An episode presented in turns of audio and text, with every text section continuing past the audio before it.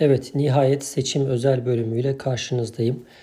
Seçimler salı günü bitti diyebiliriz. Daha doğrusu oy kullanma işlemleri salı günü itibariyle sona erdi. Bugün günlerden perşembe iki gün geçti. Amerika'da görülmemiş bir hadise yaşanıyor. Bugüne kadar seçim sonuçları seçimin son günü, oy kullanma gününün son olarak gerçekleştiği gün olan salı gününden sonra hala daha sonuçlar belli değil.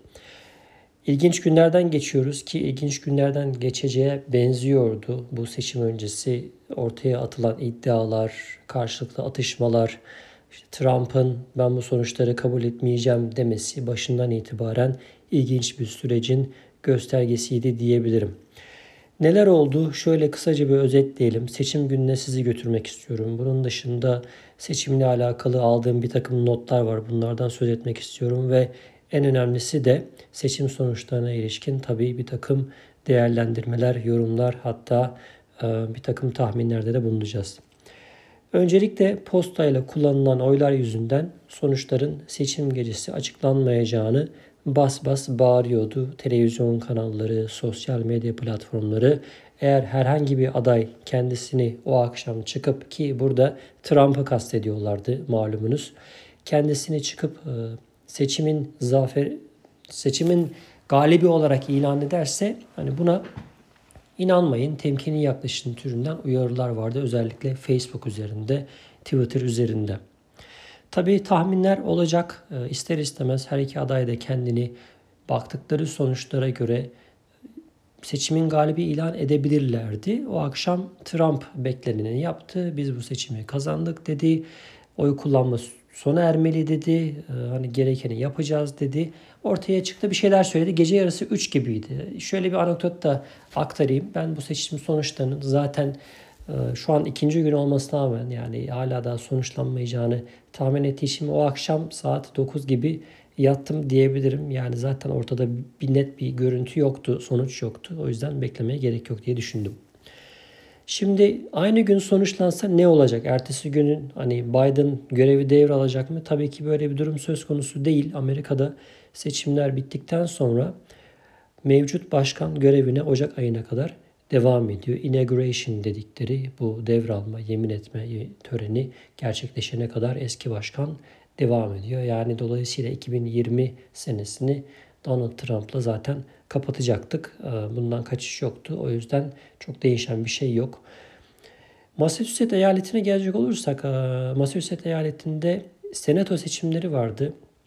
Bunun dışında House of Representatives ile alakalı e, yanılmıyorsam US e, Senate ve State Senate seçimleri vardı. Bunun dışında bir de iki sorunun yer aldığı bir güven oyu veya yoklama mı diyelim böyle bir yani eyaletlere göre hatta county dediğimiz bu yerleşim birimlerine göre de seçim pusulaları değişiyor. Yani insanların aklına şöyle bir şey gelmesin. Amerika'da seçimlerde her yerde aynı pusula kullanılıyor diye bir şey yok. Amerika malum eyaletlerden müteşekkil olduğu için her eyaletin hatta her county'nin hatta her town'un ayrı bir pusulası yani kasabanın ayrı bir pusulası var. Bizim bulunduğumuz kasabadaki pusulayla hemen e, öte tarafımızdaki başka bir kasabanın pusulası aynı değildi. Çünkü sorulan sorular farklıydı. Elbette ki başkan için veya işte senato üyeleri için kullanılan oylar aynı e, kategoride değerlendiriliyor. Fakat bunun dışında ekstradan sorular vardı. Çok uzatmayayım ama Massachusetts eyaletinde eyalet genelinde iki soru vardı. Bunlar bir right to repair dedikleri e, otomobil sahiplerinin araçlarının tamirlerini istedikleri yerde istedikleri tamirciye tamir ettirebilmesiyle alakalı bir soru. İkinci soruda ranked voting diye e, anlattıkları aslında ben de çok anlamadığım işte oy verirseniz en çok verdiğiniz kişi kazanmazsa oyunuzu işte ikinci adaya veya bir sonraki adaya aktarabiliyorsunuz falan gibi bir şey vardı. Detaylarına da hakim değilim. Açıkçası benim için her ikisi de çok bir anlam ifade etmiyor diye düşündüm ve e, rastgele bir oy kullandım diyebilirim sorularla alakalı. Diğer eyaletlerde veya dediğim gibi diğer kasabalarda başka bir soru olabilir. Seçimle alakalı anekdotlara geçelim. İlk sonucu açıklayan yer New Hampshire'da Kanada sınırında 5 seçmeni olan bir kasaba oldu. Gece yarısı salı günü yani pazartesi salıya bağlayan gece zaten oy kullanma işlemi bitmiş. Orada zaten 5 kişi var. Nasıl bir yerse artık yani 5 kişiden oluşan veya 5 seçmenden oluşan bir kasaba. Burası hemen o gece sandıkları açtı. 5 kişinin oyunu okudular. Çıkan sonuca göre Joe Biden önde çıkmış oldu. Böyle bir anekdotu aktarmış olalım. Tabi ne oldu? Postayla ve erken kullanılan oylarda rekor kırılmış oldu bu seçimde. Çünkü insanlara kolay geldi postayla oy kullanmak evlerinden çıkmadan. Malum Amerika'da seçimler salı günü oluyor. Buna da değinmek istiyorum. Salı günü olduğu için insanlar çalışıyor. Ee, her ne kadar bugünlerde veya uzunca bir süredir yani benim etrafımdan duyduğum e, belki 30-40 senedir bu gündeme geliyor. Bugünün tatil olması noktasında lobi yapan, çalışma yapan bir tür yani bazı kuruluşlar var. Fakat hiçbirisi bunlara e, maalesef değer vermiyor. Salı günü olmaya seçimler devam ediyor. Önceden oy kullanabiliyorsunuz. Eğer salı gününe kalmak istemiyorsanız daha öncesinde oyunuzu kullanabiliyorsunuz. Erken oy kullanma merkezleri var. Bunun belli bir tarihi var. Biz böyle yapmadık. Son günü bekledik. Trump seçmeni özellikle Trump seçmeni bu posta meselesine çok sıcak bakmıyordu. Baştan beri Trump'ın postayla oy kullanmaya dair e, bir takım yani karşıtlığı vardı. E, bunu desteklemiyordu. Seçim sonuçları uzayacak diyordu. E, daha doğrusu demokratlar bu seçimde şaibeli işler yapacaklar. Posta yoluyla kimin oy kullandığı belli olmayacak. Böylelikle benim seçimi kaybetmeme çalışıyorlar dedi ama seçim sonuçları ortaya çıkan tablo aslında çok da öyle olmadığını gösterdi. Çünkü Trump ciddi anlamda oy almış gözüküyor şu an itibariyle. Şimdi gelelim bizim eyaletteki senato seçimlerinde Ed Markey isimli bir senatör adaymış. Massachusetts'te iki senatör var. Ee, bir tanesi Ed Markey, diğeri Elizabeth Warren. Niçin Elizabeth Warren seçimlere katılmadı diye ben de düşünüyordum epeydir.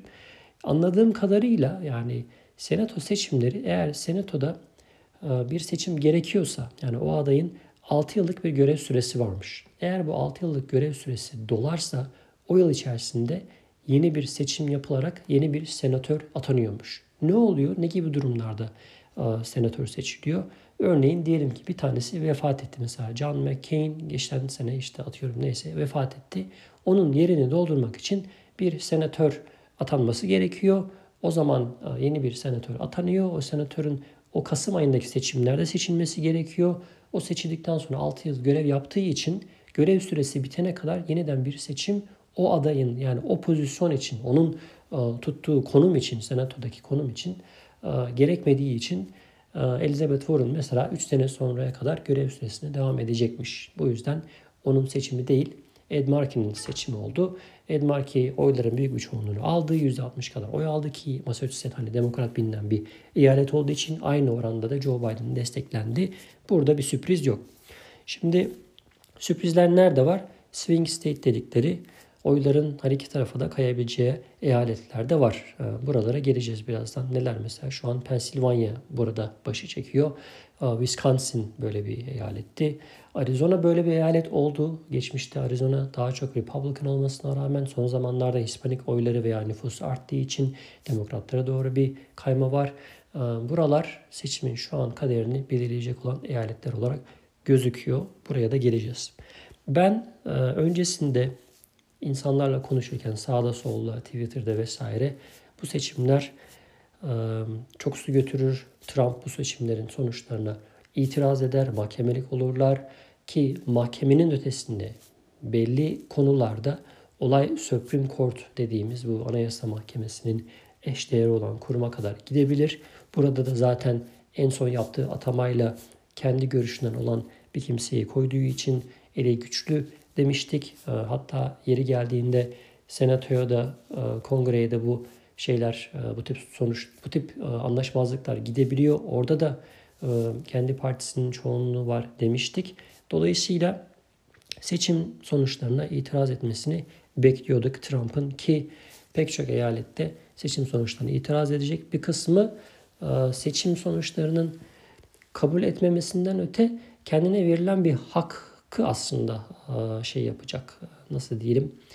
Kullanacak. Şöyle mesela Wisconsin eyaletinde her eyaletin malum yasaları da farklı olduğu için eğer iki aday arasındaki fark yüzde birden az ise seçimler otomatik olarak tekrar sayılabiliyormuş. Yani birisinin talep etmesi yeterli ki niye talep etmeyesin ki yani böyle bir oy farkının olduğu bir yerde. Dolayısıyla Trump buraya itiraz, itiraz edecek ve oyların yeniden sayılmasını isteyecek. Şu an bizim gördüğümüz 20 bin civarında bir oy farkı gözüküyor. Ama tabi burada itiraz edilmesi doğal olarak kaçınılmaz gözüküyor diyebiliriz. Bunun dışında seçim günü e, olaylar çıkacak denmişti. Seçim günü gecesi çok olay çıkmadı. Ertesi gün olayların olduğunu duydum ben. Hatta şu anda aslında e, seçimlerin hala da sayımın devam ettiği yerlerde, Arizona'da, Nevada'da vesaire yerlerde ülke seçim veya işte eyalet seçim merkezlerinde önlerinde insanların özellikle Trump taraftarlarının artık sayımı durdurun, bitsin, hani bu işi uzattınız türünden protestolarına şahit olundu. Seçim gününden kısaca söz edeyim. Yine e, bu sene seçim e, gününde oy kullanmak isteyen insan sayısı geçmişe göre daha azdı. Ee, şöyle bir fark var yani genelde zaten yüzde olarak yüzde yetmişin altında bir oy kullanma oranı var Amerika'da. Pek çok insan öncesinde oy kullandı bu seçimlerde. Her ne kadar bazı eyaletlerde, bazı seçim merkezlerinde böyle çok uzun kuyruklar oluşmuş olsa da benim kullandığım yerde çok fazla insan yoktu. Çok rahatlıkla hatta o gün iş günüydü. İşten çıktıktan sonra saat 4 civarı hemen gittik. Oyumuzu kullandık, girdik, çıktık. Çok hızlı bir şekilde yaptık. Okullar tatil olmadı. Bir okulda kullandık. Ee, okulu eğer okul oy e, kullanılan bir yerse o okullar tatil olabiliyor. Böyle bir detay var. Kimlik sorulmadı. Trump'ın ve Republican'ların en büyük e, itiraz ettikleri meseleden birisi buydu. Hani kimin oy kullandığı belli değil. Ben bu konuda kendilerine hak veriyorum. Kimlik kullanılmaması bence büyük bir saçmalık. Eğer kimlik kullanılsa ne olur? Bunun da getirdiği bir takım handikaplar var. Amerika'da bizim bildiğimiz türden kimlik yok. Yani insanlar e, daha çok ehliyetlerini kimlik olarak kullanıyorlar burada.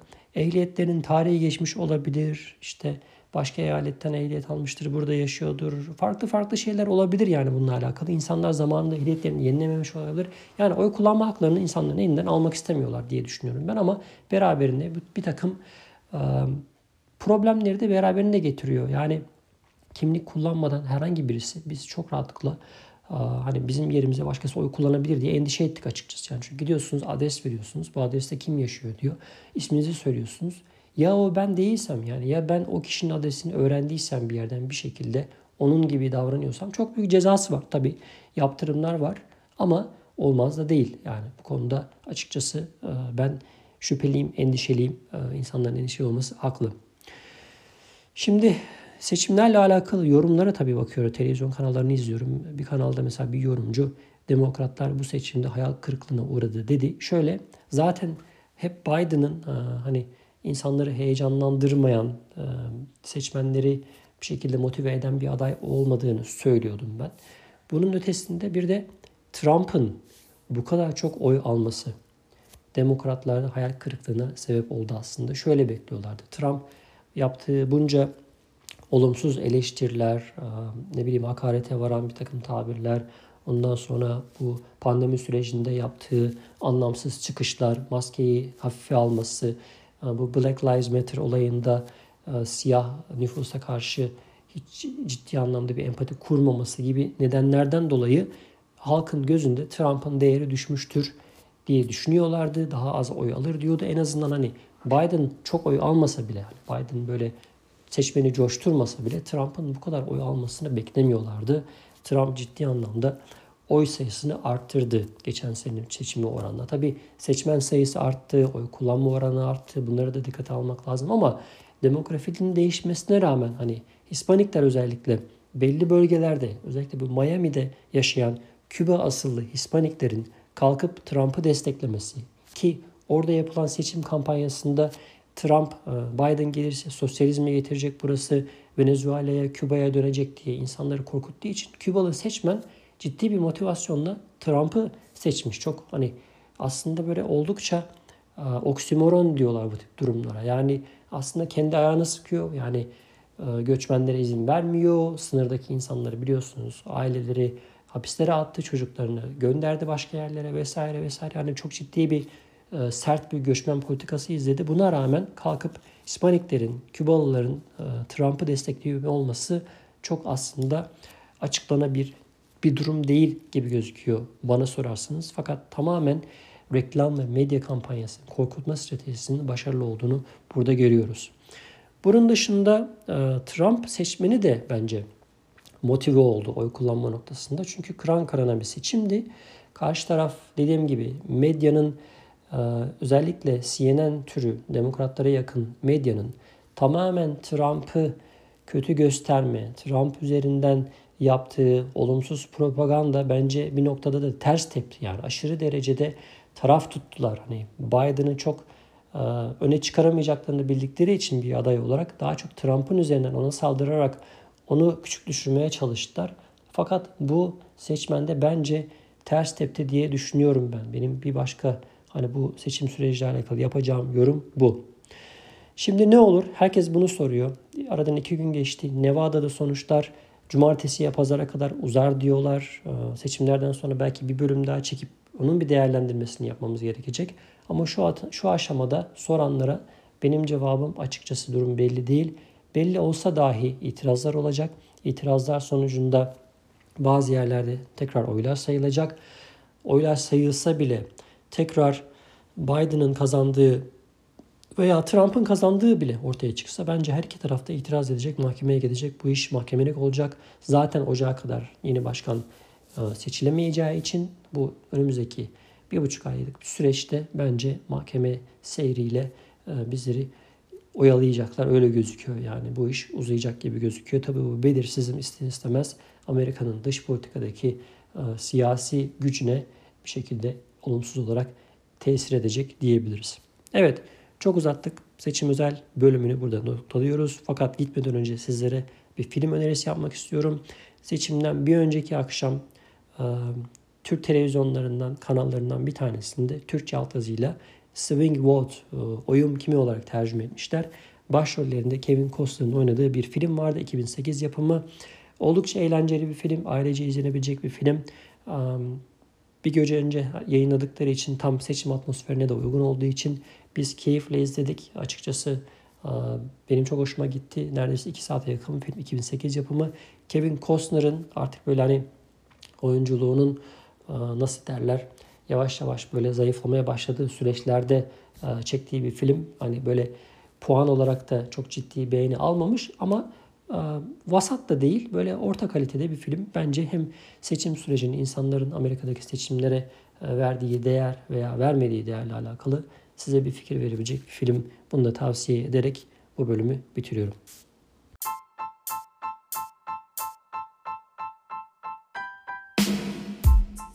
Amerika Günleri Amerika'ya dair merak edilenler, günlük hayattan notlar ve değerlendirmeler.